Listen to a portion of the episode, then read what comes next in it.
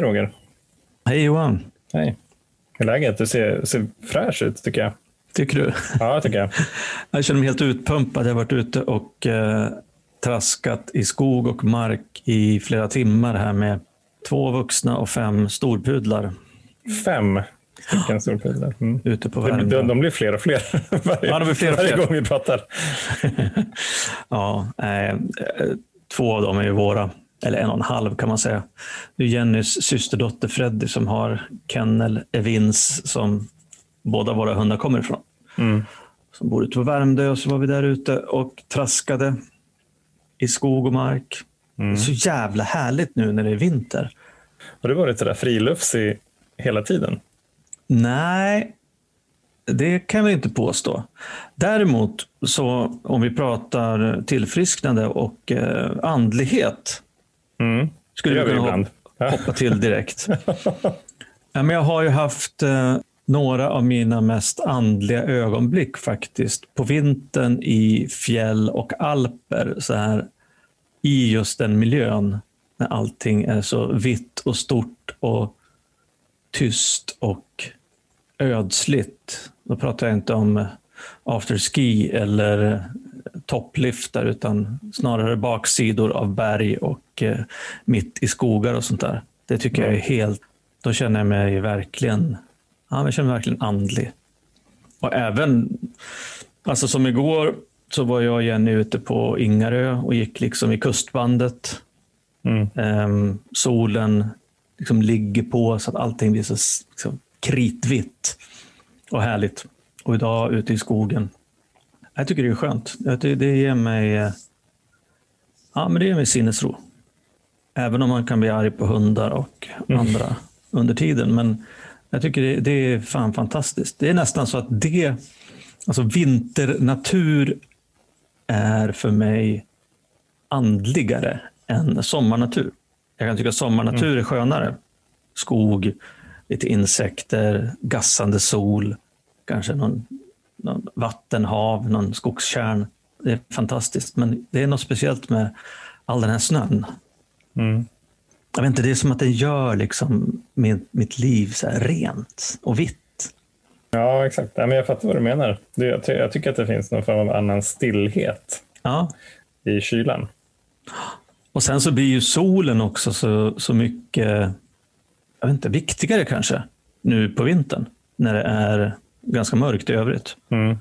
Och kallt. Så den här solen som man då får till sig då och då gör ju väldigt mycket för själen, tycker jag. Mm. Mm. Så det, det är det som vi har hållit på med idag och nu, ja, det tar ju på krafterna också på ett bra sätt. Mm. Känner mig ganska utmattad. Jag hoppas att jag inte liksom bara somnar av här under poddandet. Jag tänkte här, vi får väl se vilken andlig visdom du har att bjuda på då, efter att ha, efter att ha liksom tankar på sinnesro där ute i det istäckta kustbandet på, Mm. på Ingarö respektive Värmdö. Då. Ja, och det som är roligt med oss, dig och mig idag, då, det är att du i, igår, du var ju liksom, du var liksom på lite soligare och varmare breddgrader fast digitalt. Ja, precis. Och det är lite Exakt. spännande. Mm. Berätta. Det var, det var då det hände, igår. Jag, fick, jag fick en förfrågan här för några veckor sedan av en av våra kommande gäster, Mm. Jackie Jones. Hon heter faktiskt så på riktigt, från LA, som leder ett tolvstegsmöte. Som frågade om jag ville tala på det här mötet. Och då, eh, som vanligt, egentligen så tänker jag ju eh, intuitivt nej, nej, nej, nej, nej. och sen så säger jag absolut, det är klart att jag ska göra det. Så att det var för en, eh, en tolvstegsgrupp i Hollywood, av alla ställen. Och det, det är lite sådär en digital grupp på ett visst ställe. Så här, hur funkar det här egentligen? Ja, alltså den, den är ju sprungen ur ett fysiskt möte. Så att det är väl i alla fall merparten av, av personerna som var på mötet har väl liksom träffats fysiskt. Och sen så var det jag som talade, så var det någon, eh, någon kvinna från Tyskland och så var det eh, några personer från, från andra delar av USA som var med. Så jag tycker att ja, det är klart att jag kan uppskatta fysiska möten mer på ett sätt. Men å andra sidan, om det inte hade varit för digitala möten så hade jag ju aldrig varit med på det mötet. Det, så är det ju ändå. Så det var såklart eh, nervöst. Dels att dela tala på engelska i 15 minuter. Temat för det här, eh, det, var, det var ett så kallat nybörjarmöte och temat var steg 1, 2, 3.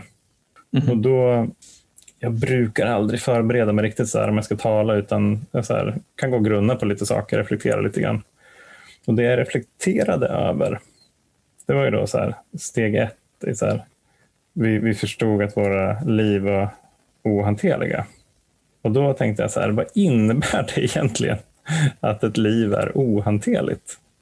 Jag har nog, jag har nog tänkt på det, fast in, det, var, det var ett tag sedan som jag gjorde det. Så det, jag uppehöll väl mig vid det till större delen under själva talet. Det är så paradoxalt det där tyckte jag. För att jag ville ju visa för mig själv och för omvärlden att mitt liv inte var ohanterligt. Och det var det som i grund och botten gjorde att det blev ohanterligt. Det vill säga, jag ville hålla uppe en fasad med jobb och relation och vänner och resor. Sådär att eh, visa för mig själv och andra att sådär, men jag är en person som har mitt liv under kontroll. Så att jag kan vara på liksom helt andra sidan av det där spektrat och fästa så mycket jag bara vill. Liksom att, att förlora kontrollen liksom här på andra sidan för att jag har så bra koll på, på resten av livet. Så liksom, låt mig bara få vara. låt mig få Men- fortsätta. Men hade du koll, kontroll på resten av livet? Liksom? Nej, men det hade jag ju inte egentligen. Men, men jag hade ju samlat på mig bevis i alla fall för att det var så. Och, och det var ju också så här, ja men genom till exempel att ha ett visst jobb med en viss lön, ha lägenhet. Så att i, det där så finns det någon form av, det finns en jakt i att, som vi har pratat om tidigare, mitt liv kanske blir bra om jag bara får nästa befordran till exempel. Så i det så finns det något, det är en jakt och ett hopp som tänds även fast jag mår dåligt idag så kanske jag kommer att må bra om x månader, om, om ett år, bara liksom den här yttre omständigheten förändras. Mm. Att leva mitt liv i att försöka kontrollera de här yttre omständigheterna för att de då ska återspegla en person som har kontroll på sitt liv. Det är ju det som egentligen till slut blir, blir skitjobbigt. Mm. Och det var, ju, det var ju det som jag drack på så mycket. För att jag tyckte att det var, jag tyckte det var svinjobbigt att försöka kontrollera så mycket som jag gjorde. Och någonstans visste jag också att konsekvensen av att inte kontrollera, det, det vill jag inte ens tänka på, för då skulle ju så här korthuset ramla ihop bara. Så att det, det, det finns något oerhört paradoxalt och eh, liksom dysfunktionellt med hela den där tankegången. Jag tycker så här att om jag, om jag tittar tillbaks på hur mitt liv var. Så jag tänker några saker. Det ena var att så här, i efterhand kan jag se att jag hade liksom en känsla av att saker och ting runt omkring mig, det som jag ville kontrollera, det började liksom så här slippra ur händerna. Mm. Jag började tappa greppet liksom om vissa saker. Vad kunde det vara till exempel? Nej, men alltså. Jag tänker på, jag jag började dricka i bilen och, så där, och sen så började jag känna liksom att nej, men jag, jag har liksom inte på, jag, och jag lät liksom vissa delar av mitt liv lite grann förfalla. Och det, det handlar väldigt mycket om relationen till min närmaste familj till exempel. Och, och jag tänker så här att jag tror att i efterhand, om jag får tänka efter nu, så, så tänker jag också att det var en grej i mitt liv som jag ändå tyckte att jag kunde ha kontroll över och göra på ett bra sätt och det var jobbet. Mm. Så det fick liksom bli min, mitt bevis Ja, just det. på att, eh, att jag liksom, det var där jag kunde fortfarande fungera. Och allt det andra, det liksom, det fick sitt, stå tillbaka för min, den här mentala besattheten att jag behövde dricka. Så att jag känner att det här så jag har inte heller tänkt på det där så supermycket eller superstrukturerat. Men jag, men jag tror att det var så liksom att jag att jag försökte klamra, klamra mig fast vid jobbet. Mm. Och, och att det blev liksom någonstans det som, jag, som blev min eh, struktur i livet. Det, det jag gjorde på jobbet och allt runt omkring mig. Även om jag drack på jobbet ibland också. Men, men det var det som fick mig liksom ändå att känna att jag hade något typ av liv som funkade. Sen efteråt då, när jag blev nykter så insåg jag att eh, om det här hade fått fortsätta så hade ju för mig så tror jag att mitt drickande hade liksom tagit över så mycket att jag hade tappat liksom även det. Mm. Så att, och det jag insåg sen jag slutade dricka, det var ju just att alltså det, det jag då och även idag tolkar som liksom att mitt liv hade blivit ohanterligt, det var just det att det enda nästan som jag tänkte på, det var att dricka. Att allting annat liksom fick, fick stå tillbaka. Och det betydde mindre och mindre. Så att jag tänker det där att mitt liv blev, blev ohanterligt, um, att jag erkände att, det, att jag inte kunde hantera mitt liv. Det, för mig så handlade det jättemycket om att jag lät, eller att min sjukdom liksom tog över så att min mentala besatthet gjorde att jättemycket tid, energi och tankekraft gick gick åt till att liksom gick till att hand, hand, handla bara liksom om alkohol för mig. Tack och lov, så, eftersom jobbet då var det viktiga för mig, mm så när då min hemlighet kom ut och Peter, min businesspartner, fick reda på det här, det var då jag liksom, okej, okay, nu måste jag sätta stopp så att inte det här försvinner också. Och det var väl, det var väl räddningen. Jag hade liksom ett halmstrå. Mm. Och Sen kan man ju liksom filosofiskt diskutera om det var rätt eller fel halmstrå. Det kanske inte spelar så stor roll i efterhand. Alltså vad det var som fick mig liksom att, att göra det här valet. Men det var liksom att jag hade ett halmstrå. Jag hade liksom någonting kvar i mitt liv som jag ändå tyckte att jag hade koll på. Och Jag fattade någonstans, kanske undermedvetet, att om jag inte slutar nu så kommer jag tappa det här också. Mm. Och det har vi ju hört både våra gäster och på möten, liksom att för en del människor så, så går det så långt att, att allting liksom bara slipprar ur händerna. På det, på det sättet får, man vara tacksam, för jag var tacksam liksom att jag ändå, ändå kunde sluta innan allting hade gått åt helvete. Mm. Sen är det en definitionsfråga förstås. Det kanske hade gått åt helvete i andras ögon, jobbet också. Men jag tyckte inte det. Nej, precis. För vissa så är det så att man förlorar allt, men man ser ändå inte att det är att sluta dricka som kan vara en del av lösningen, utan det, det är fortfarande en massa andra saker runt omkring. Hur tänkte du på det här med, med att liksom erkänna att ditt liv hade blivit ohanterligt när du slutade dricka?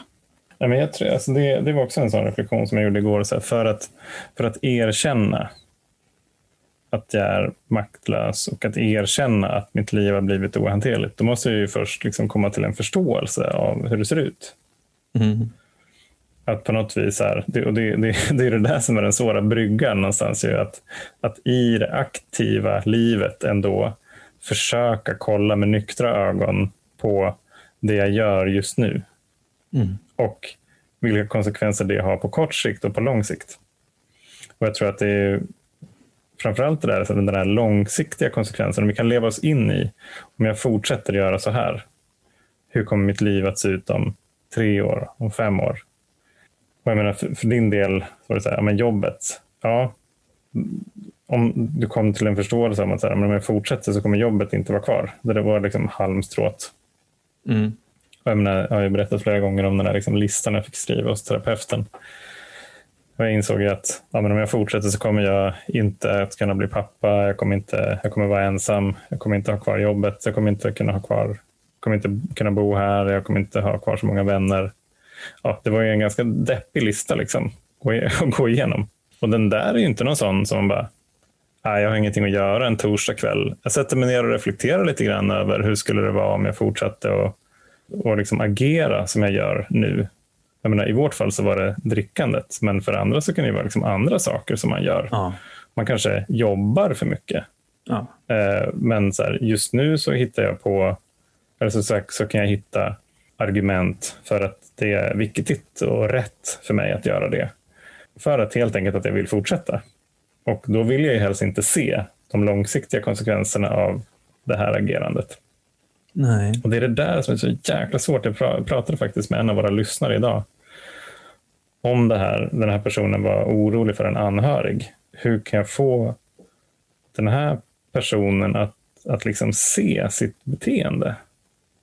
Ja, det är det som är liksom den stora frågan. Det är, det är precis det vi inte vill göra. Nej. Här, vi, vi förstår kanske någonstans att det här är ohållbart. Det, det, det här funkar inte i längden. Men om jag på riktigt tror, vilket jag gör när jag är aktiv, att lösningen på mina problem är alkoholen, eller så här, jag vet att jag behöver alkohol för att överleva, Mm. då är det det sista som jag vill sätta i fara. Mm. Det är ju helt logiskt att det är så. Så det är klart att då vill inte jag göra någon självreflektion av långsiktiga konsekvenser av att använda den här lösningen. Nej, precis. Och, och, och det som, en annan grej som jag funderar på som är så jävla svår, eller som var så svår för mig att förstå, det, är ju, det, det ena är att jag hade så svårt att greppa eller se att jag verkligen var mentalt besatt av att dricka. Mm. Fast jag var det. Alltså, det, det var också det var inte så att jag ställde mig bredvid mig själv och tittade på, hör du Roger, tänker du inte lite väl mycket på att dricka? Eller när det, Exakt. blir du inte väl arg när du inte får dricka nu? Och så där? Jag gjorde ju inte det, jag kunde inte det. Nej, exakt. Utan jag var, jag var ju i det och då blev det liksom, det blev normen. Mm. Ja. Och, och, och jag, alltså, gradvis så blev jag mer och mer besatt av att dricka. Och Det var inte så att en dag var jag inte besatt av, av att dricka och nästa dag så var jag så besatt att liksom hela mitt liv slog sönder. Utan det blev ju mer och mer hela tiden. Och i och med att den, för mig i alla fall, var den här gradvisa förändringen mot den mentala besattheten och att den blev värre och värre och starkare och starkare. Så hade jag så svårt att se det också eftersom varje dag blev liksom en normal dag för mig i mitt huvud. Det är, det är den ena grejen, alltså på, på det här temat att, att det är svårt att se sin egen situation och sitt eget beteende. Och den andra grejen, det är ju det här med ohanterligheten. Det är ju liksom den känslomässiga ohanterligheten. Att jag på samma sätt alltså vänjer mig vid att ja, men vara rädd, ha ångest, eh, må dåligt, eh, känna mig liksom kanske bitter och, eh, och värdelös ibland och skitbra ibland. Liksom att, att, att jag var ju väldigt styrd, precis som jag sagt eh, förut, av rädslor. Liksom. Mycket rädslor för att bli påkommen eller för att inte fixa det här eller för att inte kunna kontrollera mitt jobb eller för att för att um, vem jag var och vad jag, ibland vad jag höll på med. Det kom ju vissa flasher så här ibland. Liksom, vad fan Roger, vad håller du på med? Men det kunde jag ju städa undan ganska snabbt. Men just den här liksom, att livet känslomässigt var ohanterligt också. Mm. Och det är ju någonting som jag kanske inte tänkte så mycket på då och när jag slutade. För då var det så mycket, i början, för mig i alla fall, så var det Ja, men det handlar om att sätta på korken, att sluta dricka och att överleva den här dagen utan att liksom skruva upp korken igen och börja dricka. Och sen gradvis igen ta sig upp ifrån det här mörkret. Vilket gör att ja, men efter ett tag då så kanske jag känner mig lite mer stabil och sen så kan jag kanske jobba lite mer med mig själv. Och sen plötsligt börjar jag känna mig genom att eh, jobba i de tolv stegen, genom att vara i den här gemenskapen, genom att vara nykter, genom att liksom göra de här grejerna som jag behöver göra, så, så försvinner den mentala besattheten kring alkohol och jag kan börja jobba liksom på en, på ett, en att liksom mitt liv kan känslomässigt bli hanterbart också. Och på samma sätt som jag hade svårt att märka när jag var på väg ner i mörkret så är det också svårt att när jag är i en förändring, att se förändringen. Mm. Jag menar, idag är dagen som den är idag. Och igår var den som den var igår. Och det har väl inte hänt så jättemycket sedan igår. Men om man tittar så här, om jag har möjlighet att titta i backspegeln kanske ett år efter jag slutade dricka och se vad som hände det året. Då har det ju skett en otrolig förändring. Mm. Ja, precis. Och det är lite roligt, och jag tänker på det, det är ju så här, men jag är nykter bara för idag. Och så måste det vara därför att jag, precis som jag inte kunde se hur jag betedde mig när jag var aktiv, så är också svårt, eller hade jag svårt i nykterheten liksom att se hur jag skulle bli i framtiden. Mm. Jag har ju pratat om de här frågorna, jag har pratat fråga min sponsor, liksom, när blir jag så där? Jag, ja, men jag blir ju det varje dag, liksom. Mm. lite bättre. Och just den där oförmågan att som aktiv att se en framtid som inte handlar om att dricka. Därför att, precis som du säger, det är typ det jag behöver för att inte dö. Mm, exakt. Det är, ju, det är ju så jävla svårt. så att Där tänker jag, liksom, alltså, om vi pratar om första steget, att erkänna att, jag, att vi är maktlösa inför alkoholen och att våra liv är ohanterliga. Det är så här att det jag måste göra när jag tar det där första steget, och det kanske jag måste ta flera gånger, kanske till och med varje dag, det är, liksom, det är ju att kapitulera. Mm. Exakt. Och sluta tänka på framtiden så jävla mycket och historien. Om jag bestämmer mig för att göra någonting när jag inte vet vad som kommer hända, så kommer jag väldigt svårt att hålla fast vid det. Men jag istället säger att okej, okay, nu så ska jag inte dricka och så får vi se vad som händer. Det gör ju att varje dag jag kan fatta ett sådant beslut så blir jag lite så mår jag lite bättre. Jag blir lite bättre, jag blir lite mindre mentalt besatt. Och alltså det som du började prata om här och det som vi håller på och liksom filosoferar om nu, det är ju det som är den här stora nyckeln eller utmaningen eller det omöjliga för några att kunna liksom fatta ett sånt här beslut utan att veta vilka mm. konsekvenserna kommer bli på lång sikt. Mm, ja, precis. Och det är det som är, alltså, jag tänker på många saker när jag hör dig. Men det som jag tänkte på nu precis här var att ja, och det är för att det är liksom relationer och processer. Det är inte transaktioner. Det är inte så här, jag kan inte, jag kan inte köpslå med någon. det är så här, ah, okej, okay, fine jag, jag, jag lägger av med att dricka, men då vill jag att det här ska hända. Mm. Nej, det, det, är inte, det är inte så det funkar. Lika lite som jag kan säga i relationen till vänner eller till min fru att så här, ja, men jag, jag lovar att, att jag ska vara ärlig, men då får du aldrig lämna mig. Det, det finns ingen som, som kan, kan lova det. det. det. finns ingenting som jag kan kontrollera egentligen Nej. i de här relationerna. Och, och, om jag försöker göra det så ser jag det mer som transaktioner. Ja. Faktiskt. Och, och det är det som jag tänker är liksom det faktum att livet i sig är okontrollerbart. Det är ju liksom det fundamentala. När jag försöker kontrollera det som är okontrollerbart, då blir mitt liv ohanterligt. Ja. Såklart. Det, och det är så här, för att det inte går, det har aldrig gått, det kommer aldrig att gå, det går inte för någon, det är inte så att jag är liksom inkapabel men alla andra kan. Utan så här, ingen kan kontrollera. Mm. Så det är också liksom den, den stora, det stora skiftet liksom att göra. Ja, men alltså du brukar ju prata om det här att, att liksom kontroll är en illusion. Mm. Och nu medan du har pratat nu så har jag tänkt på så här, ja men fan, betyder det också att den mentala besattheten är en illusion? Därför att det går ju att bli fri från det. Mm. Alltså mm. det går ju, om, om jag släpper taget, mm. om jag ger upp och släpper taget och slutar dricka så blir jag av med den mentala besattheten. Mm. Jag skulle säga att det är absolut en illusion. Fan, hela livet är en illusion. Nej, men så här, för det, det är någonting som jag har hittat på själv. Så här, att jag behöver alkohol för att överleva. Men ingen, ingen som föds, tänkte jag säga, behöver ju det. Så att det är ett behov som har skapat, det är ett beroende som har skapat. Ja, precis. Det är inte fysiskt så att vi måste ha alkohol. Det är inte som luft eller liksom näring eller så. Nej. Det finns några saker som vi liksom verkligen behöver för att Ja. överleva. Och alkohol är inte på den listan. Nej. Utan det är liksom någonting som vi, som vi lär oss. Så det, är liksom, det är klart att det är en illusion som vi, som vi skapar.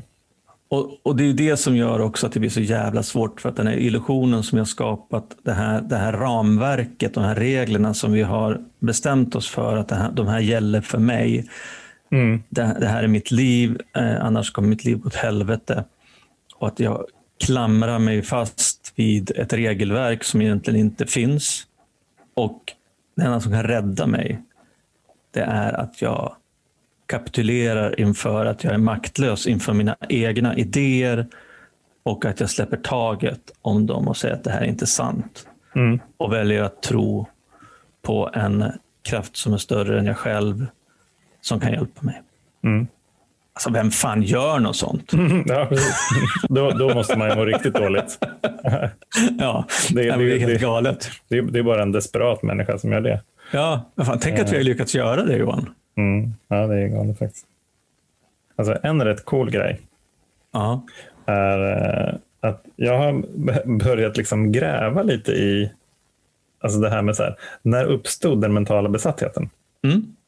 För att så här, när, när jag är mot slutet av liksom det aktiva, då är den liksom, det är där jag är hela tiden. Det är mitt normalläge. Men uppenbarligen så har det ju inte varit det. Utan det har ju utvecklats under tiden som jag har levt. Så det är så intressant för att jag har fått, fått en väldigt fin kontakt igen med en av mina vänner från gymnasiet. Mm.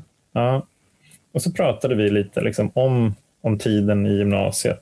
Och så liksom, hon upplyste mig om, så här, hon bara, ah, men jag kommer ihåg liksom, när ditt fokus skiftade. Från liksom, de, bara så här, de sakerna som vi brukade göra, så här, hänga och så här, gå på fik, till att det var festen som var liksom, så mycket i fokus. Och jag så här, shit, ja. ja, då var det ju liksom, så där, där hände det ju någonting. För det var inte bara så här umgänge eller så, utan det var verkligen eh, alkoholen blev väldigt viktig. Och det var någonstans i så här, mellan tvåan och trean på gymnasiet. Mm. Där någonstans. Det var i något av de här, det var någon episod där jag hade fått eh, någon så här sköldkörtelinflammation. Och eh, då får man ju liksom någon medicinering mot det. Och då ska man absolut inte dricka alkohol. Om det, där, om det där inte botas så kan man ju få hjärnhinneinflammation. Men eh, då så var det liksom någon, någon kväll som bara, nej men skit i det, nu vill jag dricka, jag måste dricka. Och jag hade väl säkert någon bra ursäkt att den här festen var så viktig och bla bla bla. Och jag tänkte inte så mycket mer på det, men, men min vän i alla fall, hon hörde av sig till, till min mamma och var så här, alltså Johan sitter och dricker nu. Och så kom min mamma och hämtade mig. och var ju jätteglad såklart över Ja, förstås. mitt, mitt, mitt ansvarstagande. Och, så där. och jag har inte riktigt reflekterat över den här episoden förrän nu. Vi pratade om den här förra helgen bara. bara jävlar vad, liksom, vad gränslös jag var Mm. mot mig själv och, så här, och vad viktig alkoholen var då. Och då hade det liksom bara, men liksom bara varit ett år, två kanske, och så här fester på helgerna. Och det var det jag gjorde när det skulle liksom hända någonting kul. Mm. Eh, De andra sakerna, var så här, gå och fika, det var väl okej, liksom, men det var inte att festa. Nej. Så, så att det, det fanns liksom alltid någonting som var eftersträvansvärt. Det var det jag ville göra. Om jag inte fick göra det, då fick man väl nöja sig med vad, vad det som stod till buds. Som sagt, så någonstans där i tvåan liksom, på gymnasiet så, så var nog min, så var, verkar det som att min mentala besatthet var liksom i, i full gång. Ja. Eh, vilket ju är intressant, då, för då drack jag ju ett par år till, inklusive London och sådär. Och sen så slutade jag bara dricka tvärt. Och sen så pluggade jag istället. Och då var ju den mentala besattheten ändå liksom aktiv. Ja. Men det var, det var ju intressant och också så här jobbigt såklart att få någon annans utifrån perspektiv på mitt beteende. Som jag ju skäms över idag. Men eh, det är inte så mycket att göra åt det. Nej. Men det är, det är spännande. där, som, för att kanske runda av lite grann med den här tanken om att jag tänkte på det du sa att du, att, det, att du skäms för det idag, men och det här är kanske någonting som vi ska kan prata om i ett annat avsnitt, men just det där att ja, men allt du har gjort Johan har ju ändå lett dig dit du är idag. Ja, precis. Och kan ju vara till nytta för någon annan. Som till exempel kanske lyssnar på den här podden och Mm. tänker att oj då, det där verkar ju stämma in på mig också. Jag kanske inte ska hålla på tills jag är 35 då, som Johan gjorde. Nej, precis. Skippa de där eh, guldåren där. Ja, de här sköna, härliga guldåren där livet var så jävla hanterbart. Ja, exakt. Ja, Ja. men eh, bra snack. Vi får väl sammanfatta allt det här med att eh, ja, men vi lever i en illusion och eh, det vi måste göra för att bryta den är att kapitulera och släppa taget om den och sen så hur nu fan vi lyckades göra det. Och sen Mm. kan man få ett liv som är bra.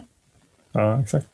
Precis, och jag tänker att liksom, sättet att bryta illusionen, det behöver man nog göra varje dag. Det är liksom att träna sig på att se vad som är sant.